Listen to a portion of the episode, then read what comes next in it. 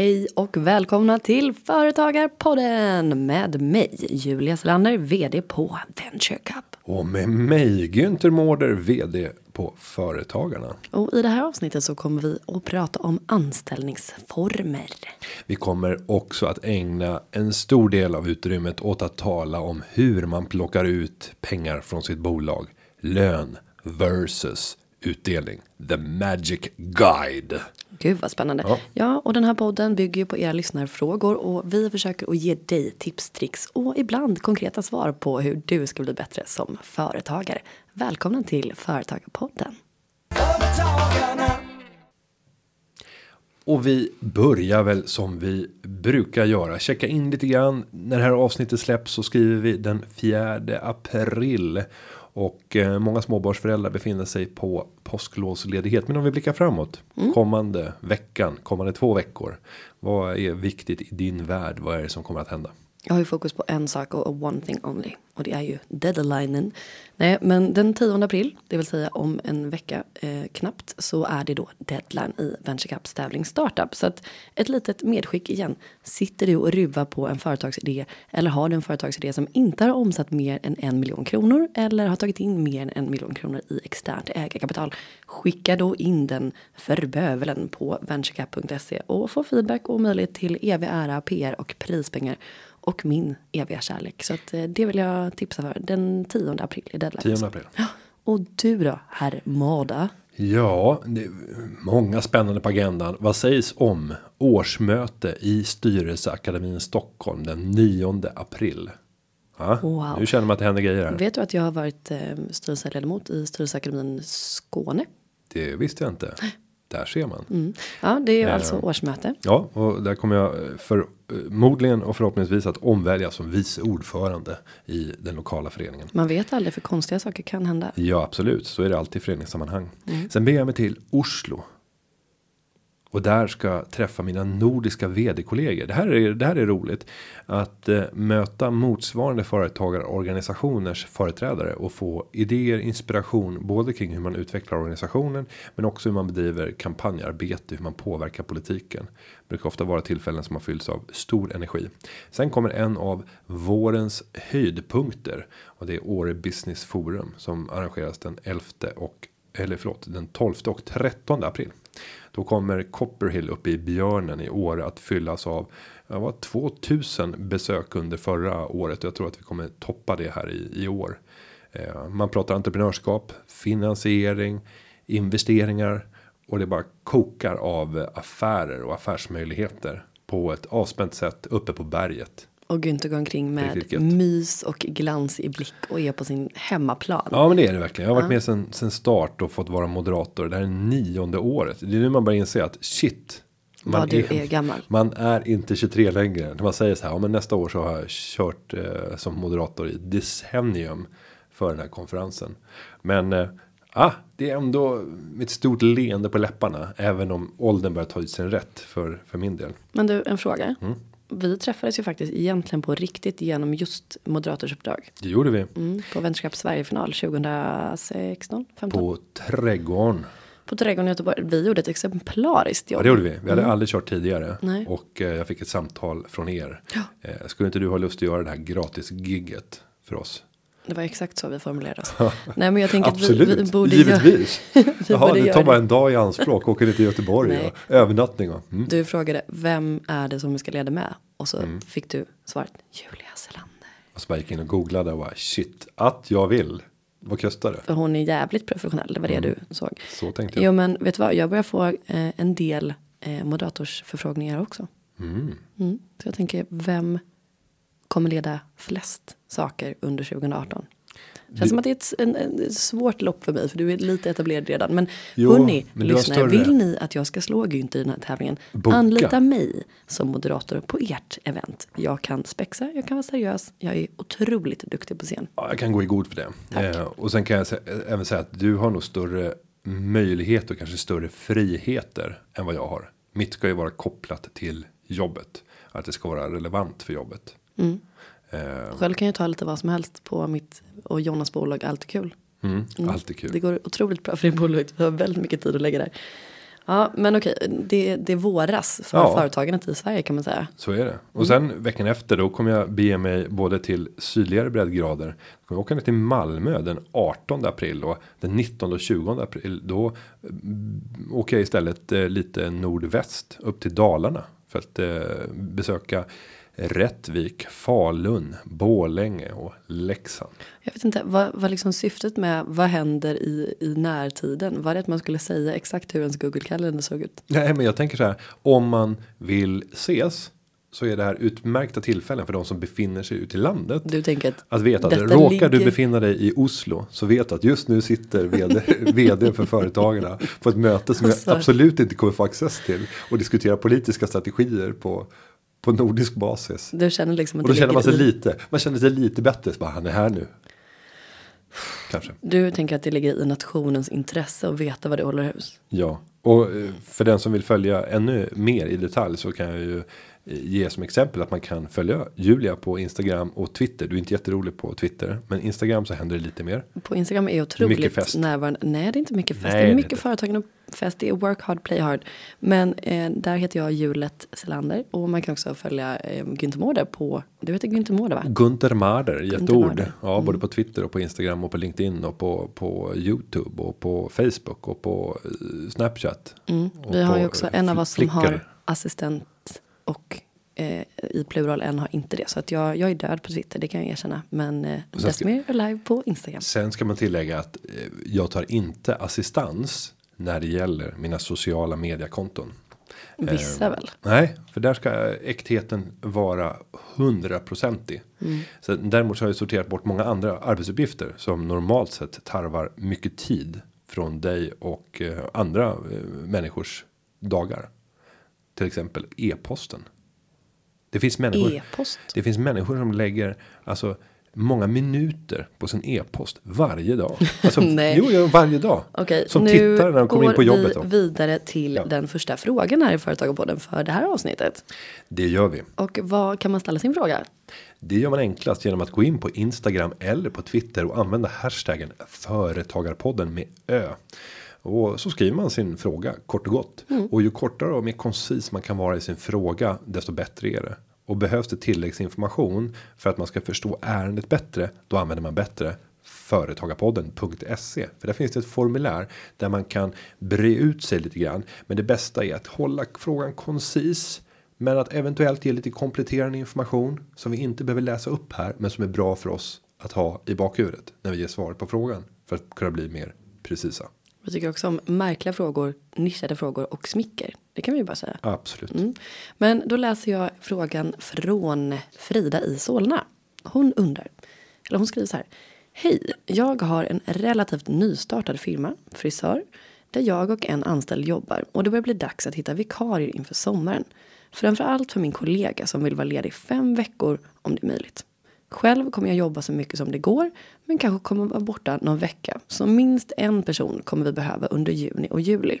Vilken anställningsform är egentligen bäst? Något speciellt jag bör tänka på? Jag har försökt läsa på, men jag tycker att det är en djungel och jag hade gärna hört era tankar. Tack för en bra podd. Ja, och det här är egentligen inte så, så komplicerat eh, och, och det hänger inte jättemycket på. Alltså om du, om du ska ta in en person som jobbar fem veckor så finns det ett antal olika former. Du kan ha ferie och säsongsarbetare. Eh, och det är ju typiskt sett för ett säsongsarbete så det här är väl kanske inte tillämpligt för det. Det skulle inte vara kris och katastrof om du skriver ett sånt, eh, sånt avtal heller. Eh, du skulle kunna tänka dig ett vikariat för att personen går ju in och vikarierar för en annan. Det viktiga där är att jag tror att det kanske måste vara en tidsperiod, en tidsfrist i där om, om minst kanske en månad. Så är det i alla fall på visstidsanställning som är den, den tredje formen som jag tänkte lyfta upp. Visstidsanställningen, ja det är en tidsbegränsad anställning så den är väl tillämplig för det här. Eh, Men personen måste jobba minst en månad.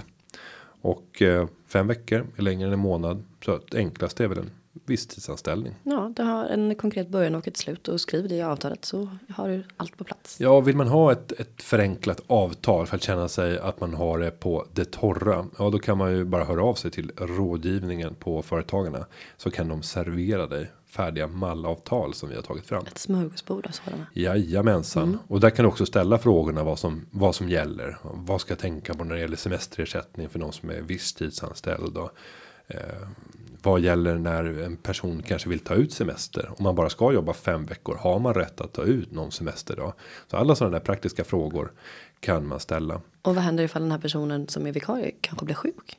Ja visst, ska man ta in en vikarie vikarie om det blir långtidssjukskriven i fem veckor efter första dagen på arbetet. Har jag ansvar för den här personen när det gäller eh, sjuklönen. En vikarie, vikarie, vikarie. Ja, en vikarie, vikarie, vikarie. kan man ta det? Vill du ha ett vikarie, vikarie, vikariat? Nej, det vill jag inte ha. Vad jobbar du för nu? vad gör du nu för tiden? Ja, jag, är... jag ser att du har en anställning här. Du ska ta bank, ett banklån för att köpa bostad. Jag ser att du har en vikarie, vikarie, vikariat. Ta det. Tramseri. Nej, men sen kan man även säga att det svåra och det brukar inte faktiskt vara att välja anställningsform. Det är inte där det brukar brista. Utan det svåra det brukar vara att få tag i rätt kompetens. Att få tag i den personen som faktiskt kan gå in under fem veckor och leverera. Och skriver de att de är en nystartad eh, frisörs frisersalong. Så kan jag tänka mig att det är inte snutet ur näsan att bara hitta en eh, duktig frisör som kan komma in och köra fem veckor och sen är det över. Eh, så att eh, där är det kanske lite svårare. Där skulle jag tipsa om att vi håller på eftersom vi vet att svårigheten att hitta rätt kompetens. Det är det främsta tillväxthindret för svenska företagare då. Därför håller vi på att ta fram en tjänst som heter företagarna rekrytering och bemanning. Där vi med hjälp av samarbetspartners kan hitta lösningar för tillfälliga Eh, personalbehov där man kan hyra personal till bättre priser. Men också när det gäller rena rekryteringsuppdrag för att hitta rätt person att anställa. Så gå gärna in och titta på företagarna rekrytering och bemanning så kan du se vad du kan få ut. Och ett tips är ju att kör två parallella processer när du letar efter folk. Du gör, Verkligen. du gör en efter den gamla skolan som du har tillämpat tidigare och det är kanske att gå ut bland liksom vänner och kontakter och liksom annonsera någonstans. Så kör en sån process och sen kan du testa och köra en annan process. Där du anlitar någon som är expert och sitter med en stor databas och kan hitta andra kandidater. Sen kan du bara jämföra i slutändan. Ja, men vilken vill jag gå på? Och i de flesta fall så är det ju inte bindande att bara få förslag. Eh, sen kommer du inte få reda på exakt vem personen är och kontaktuppgifterna. För då har ju hela värdet blivit överfört till dig. Eh, men du får reda på vad det är för kandidater som står till buds. Mm. Jag tänker att om man är sugen på att komma i kontakt med Frida i Solna så kan vi väl göra lite reklam för att då går det ju utmärkt att höra av sig till företag på den för då kan vi säkert merge ihop de här. Då kan vi outa. Ja, vill man jobba som frisör hos Fridas salong fem veckor i sommar? Att man vill. Ja, ja jag vill det. Jag kan ju klippa. Det är bra. Känns inte. Jag har klippt mig själv. Det gick bra. Nej, gud det blev så himla nedlåtande. Jag menar verkligen inte det. Som att så här, jag har klippt lite så det är väl Nej gud, jag är på, alltså jag är, jag bugar mig för Frida och alla andra frisörer. Herregud. Jag menar mer att, eh, ja, det blev, det blev tokigt helt enkelt. Jag har klippt mig själv och det ser halvbra ut. Operatjänaren behöver en kock. Jag kan laga mat. Jag tänker så här, med en positiv inställning kommer man långt i livet. Ja. Ni lyssnar, ni förstår, men ni fattar vad jag menar. Om vi då raskt hoppar över till det här med lön versus utdelning. Ja. Du har ju lovat att du ska ge dina bästa tips. The Magic Guide. Ja, i tidningen Företagaren nummer två så gör vi en liten djupdykning i det här området. Men jag tänkte ändå att vi skulle passa på att resonera lite grann kring det. Och vi har ju fått eh, in eh, många frågor kring det här. Mm. Ska du läsa upp några av de frågorna som har kommit in? Ja, men det kan jag göra. För att jag tänker också att eh, det finns eh, säkert mycket eh, fördomar, höll på säga. Men att man, man antar vissa saker om vad man tycker är bäst. Och vi vill försöka reda ut det här en gång för alla. Med brasklappen, det finns inget universellt svar. Men vi ska ta upp några exempel. så att, ja, vad är smartast och vad bör man tänka på när man väljer det ena eller det andra? Det är väl den mest förekommande frågan. Mm. Så, så att om vi börjar där. Vi utgår alltså från att vi har ett bolag, ett aktiebolag, vi har gått med vinst, bra jobbat. Vad ska man göra? Hur ska vi plocka ut det här? Och då kan man tänka sig att eh, en lön innebär ju att eh, du får en eh, del förmåner eftersom du betalar in arbetsgivaravgifter. Om du har ett aktiebolag så betalar in arbetsgivaravgifter och det är ju till en början ett försäkringsskydd för dig som individ och det innebär att du får sjukpenning. Du fyller på så att du kan få föräldrapenning. Du får insättningar på din allmänna pension. Och det här är sådana saker som vi kanske inte tänker på för vi ser det inte på vår lönespes om inte vår arbetsgivare faktiskt har skrivit ut arbetsgivaravgifter och sen så under arbetsgivaravgifter definierat vad är de olika komponenterna i det här. Det är också ett tips att göra tycker jag. Ja, absolut. Eh, För att, men sen har du ju efter olika typer av gränser så försvinner påfyllnaden av pengar i de här systemen. För det finns gränser för hur mycket pengar som kan stoppas in. Och om vi ska ta de gränserna för inkomst, inkomster som du fick 2017. Som man ska göra i deklarationen nu. Så pensionsgrundande inkomst det är 496 305 kronor om året. Om man ska vara Så upp, till, noggrann. ja, så upp till den nivån så fylls det på med allmän pension. Efter det när du fortsätter betala arbetsgivaravgifter som är precis lika höga så får du inte ta del av dem utan då är det egentligen bara en särskild extra skatt på arbete för hårt slit. Eh, en extra skatt på hårt slit. kan man Nu får din sån här politikerblick igen. Ja, men jag tycker att man borde döpa om det så att arbetsgivaravgiften heter någonting som tydligare kopplar an till så här social försäkringsavgift eller skyddsnätsavgift och sen när man har passerat nivåerna för påfyllnader. Ja, då heter det eh, särskild extra skatt på arbete och att det står också i lönespecen så att man förstår att det här är bara ett, ett allmänt skatteuttag utan att du får några fördelar av det. Eh, generellt utan det är de, eller specifikt. Det är ju generella fördelar i form av en fantastisk skola, vård, omsorg och infrastruktur. Och Världens jada, jada. bästa land. Jo men okej så Och, att ja, så om du tar ut lön så är det ju, det är ju säkrare på lång sikt kan man säga. Men om du tar ut utdelning då? Nej, men vi, vi ska komma vidare på lön. Eh, för pensionsgrundande inkomst var ju bara en komponent. Och den låg då på 496 000. Sjukpenninggrundande inkomst, alltså SGI. Som ligger till grund för de flesta typer av ersättningar som du får vid sjukdom och annat. Hos Försäkringskassan. Där går taket redan vid 336 000. Så efter den nivån. Ja, då är det inte värt ur ett så att säga skyddsperspektiv när det gäller sjukdom. Sen så föräldrapenning, den baseras på sjukpenninggrundande inkomsten men är lite högre. Så där ligger det på 448 000. Så man kan säga lite grovhugget att ligger man på, på 500 000 kronor. Ja, men då har man tagit ut den lönen som gör att man får hela skyddsnätet som företagare. Så där är det en positiv nivå. Så jag skulle lägga mig någonstans där omkring. Och sen har du två olika sätt att plocka ut utdelning. Eh, utdelningen för fåmansföretag är, eh, och skatten på den är 20% om man följer två olika regler. Vilka är de? Du kan välja antingen förenklingsregeln. Och förenklingsregeln det är just vad det låter som. Ett sätt att förenkla och göra det lätt för dig som äger ett bolag. Att kunna plocka ut en utdelning utan att behöva sitta och beräkna. Hur mycket du har tagit ut i lön och ta hänsyn till sådana parametrar. Och då får du ta ut 2,75 basbelopp. Och det motsvarar just nu då 169 125 kronor. Det får du ta ut i utdelning till 20% skatt. Så ett perspektiv det är ju att vi tar då en lön som motsvarar 500 000 kronor på ett år. Plus att vi tar en utdelning om 169 125 kronor. Och då får vi 20% skatt på den utdelningen. Så där har du en optimal fördelning. Om du kan plocka ut så mycket i ersättning. Jag tänkte säga att det här är ju en. Det är en väldigt lyx. Det är ju en väldigt lyxtillvaro för, Verkligen. för många småföretagare som inte når upp i de nivåerna.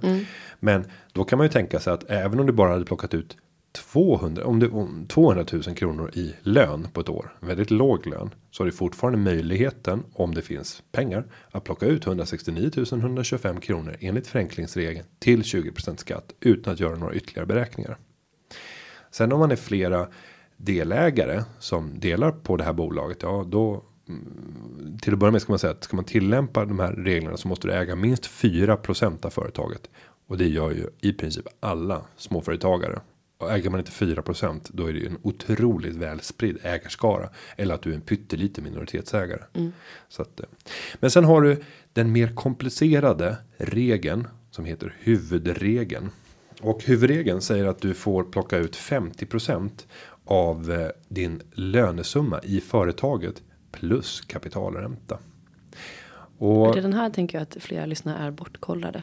Ja, och den här börjar bli intressant om man har plockat ut en lön över 390 000. Då kan man börja titta på den här regeln under den nivån. Då ska du inte ens bry dig om det. Mm. Och det här kommer ju även kräva i de allra flesta fall att man tar in hjälp.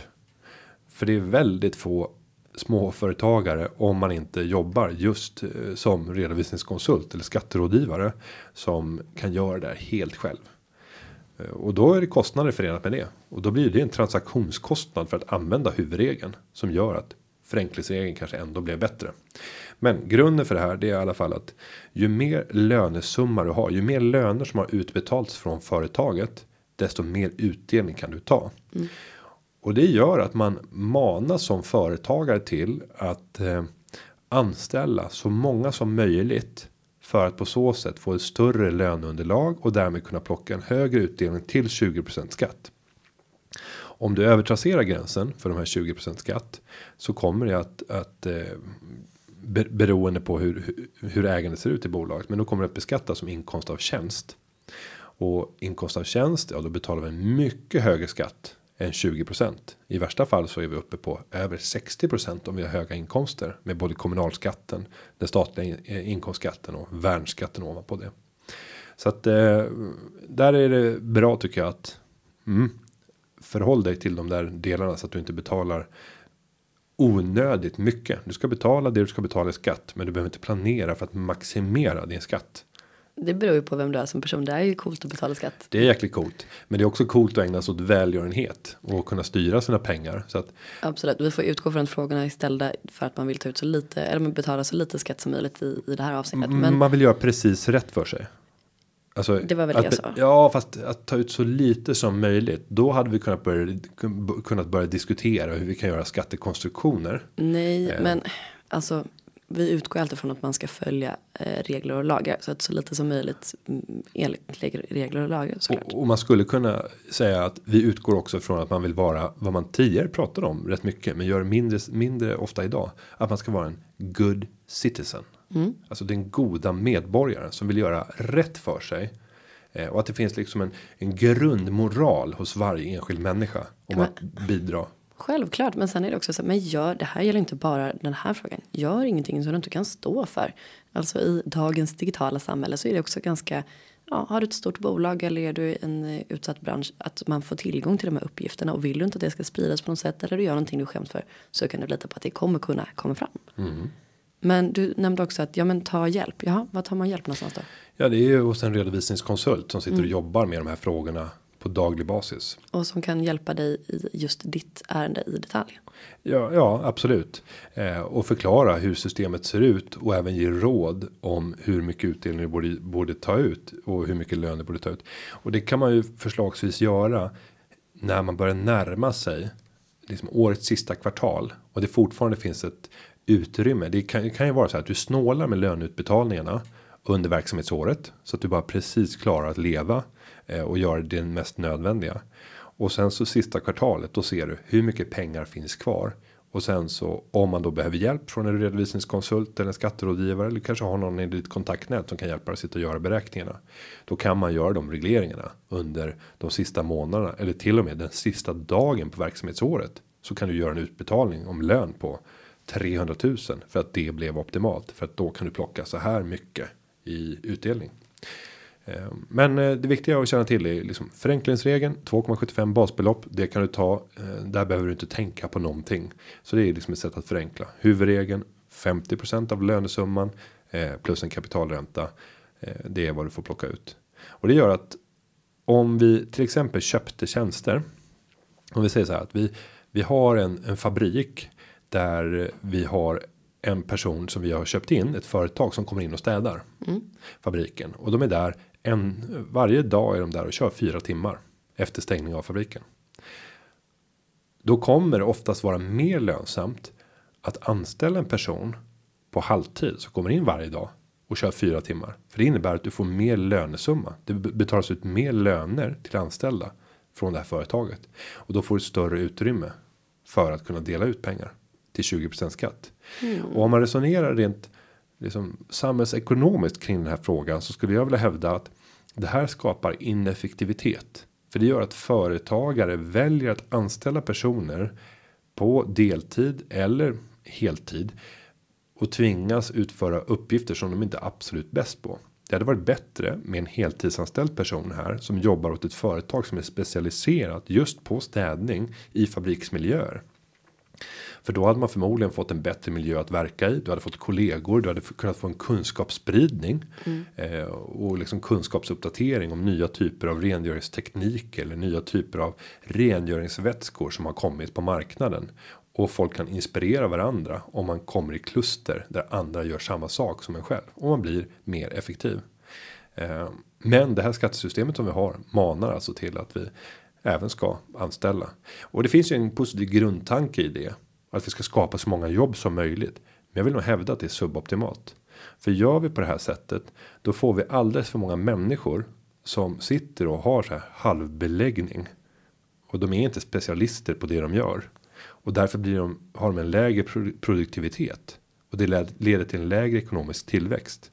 Så egentligen så tycker jag att systemet är konstruerat på ett samhällsekonomiskt ineffektivt sätt. Det är för dåligt. Ja, och, och, och grunden när det gäller det här. Det, det, som vi har pratat om nu när det gäller möjligheten att ta ut pengar versus utdelning via lön eller utdelning. Det regleras ju av det man kallar 312 reglerna. Mm. De höll ju på att förändras så att när vi gick in i det här året första januari 2018 så var ju regeringens avsikt ursprungligen att man skulle ha höjt skatten med 5 miljarder kronor på landets fåmansföretagare. Om det inte vore för. Om det inte vore för att företagen hade enorma resurser under hela 2016, slutet av 2016 och hela 2017 för att stoppa förslaget. Mm. Och i inledningen av hösten så tvingades regeringen backa från förslaget. Och jag var här den här måndagen efter. Ja, det var det tårta var, det, och firande. Ja, det var tårta och det var extas för vi har inte lagt så mycket krut på en enskild fråga och vunnit en så stor framgång för det handlar om 5 miljarder kronor årligen för Sveriges företagare. Mm. Vi har ytterligare en sån framgång som vi faktiskt firade för två veckor sedan. Och det är stoppandet av exit skatten. Mm. Eh, man ville börja bygga murar kring Sverige för att på så sätt göra det svårare för företagare att röra sig fritt i världen. Eh, och i förhoppningen om att det här skulle göra att vi kunde låsa in människor och deras pengar i vårt land så att vi kunde beskatta dem. Vad man inte tänker på om man börjar bygga sådana här murar.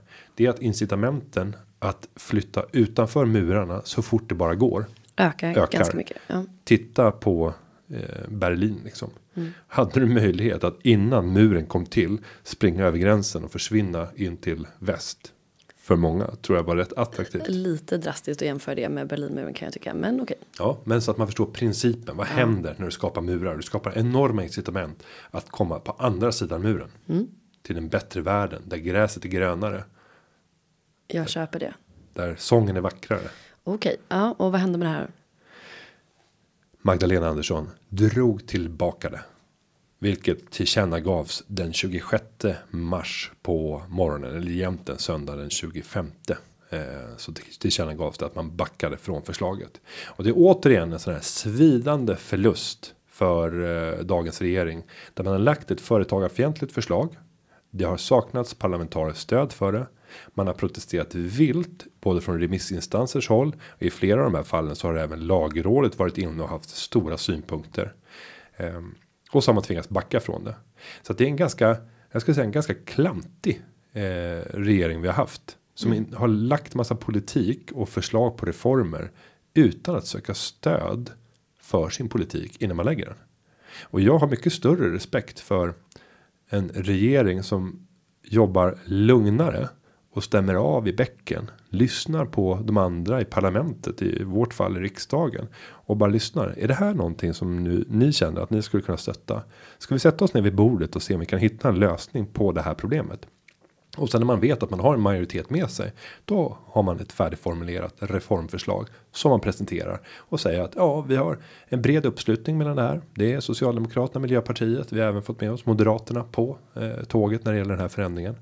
Eh, och därför så väljer vi nu att gå till riksdagen och föreslå den här förändringen. Tackar. Tackar, Klar, tackar. Klara förutsättningar. Vi vet vad som gäller. Men att leva i politisk oförutsägbarhet, alltså ovisshet. Det är ett ovisshet är ett obehagligt sinnestillstånd. Alltså kära lyssnare, ni känner ju Günther så pass väl så att vid det här laget så hör ni på honom när han liksom tar i sin förhandlingsförmåga. Jag ser den också i liksom det så här runt munnen och runt ögonen. Så här. Det är valår. Att det är valår. leva, ja det är precis det jag tänker säga. Tror var, du, tror du Julia Selander, tror du någonsin jag är så här nära på att stänga av din mikrofon just nu. Men det var det jag skulle säga att eh, valår, eh, ja det, det blir en del politiska utspel för att folk blir desperata och det är ju spännande. Mm. Vad, vad röstar du på? Eh, jag röstar på partiet. Nej, jag satt ju tidigare och ville tillsammans med John Dinkelspiel dra igång ett eget parti. Vi skulle kalla det partiet. Eh, vi gjorde till och med några valsedlar, men vi hade formellt sett inte ansökt om processen för att kunna eh, använda de där valsedlarna fullt ut. Nej. Eh, men eh, Är det något som kommer kunna bli en, en, eh, ja. en framtid. ja. Ja, det, det utesluter jag inte. Det hade varit roligt. Tänk dig att få göra on march. Eh, kunna göra lite grann som eh, Macron gjorde. Att grunda en ny rörelse och röra omkring i det politiska landskapet. Mm, det är du mått va? Ja, men det första som jag säger att vi skulle behöva utan att ta hänsyn till vilka partier det borde beröra. Det är ju att ha färre partier i riksdagen. Eh, Det är idag. Du tänker ett eller? Nej, alltså ja, ett Gr- Great Party Sweden. Partiet Sverige. Partiet. Ja, Great, Great Party Sweden. Eh, ska partiet heta. Mm. Och det ska bara få förekomma det partiet. Nej men eh, vi hade mått bra i riksdagen av färre partier än vad vi har i dagsläget. Och vi skulle må bra av mindre låsningar mellan block och konstellationer. Och vi skulle må bra av mindre beröringsskräck. Alltså man måste kunna diskutera politik med alla. Även med sina meningsmotståndare. Och då ska man använda ordets makt och majoritetens makt för att driva igenom den politik som folket, alltså uppdragsgivarna vill. Ja, man borde väl i synnerhet vilja diskutera med sina motståndare. Tycker man. Man kan tycka det.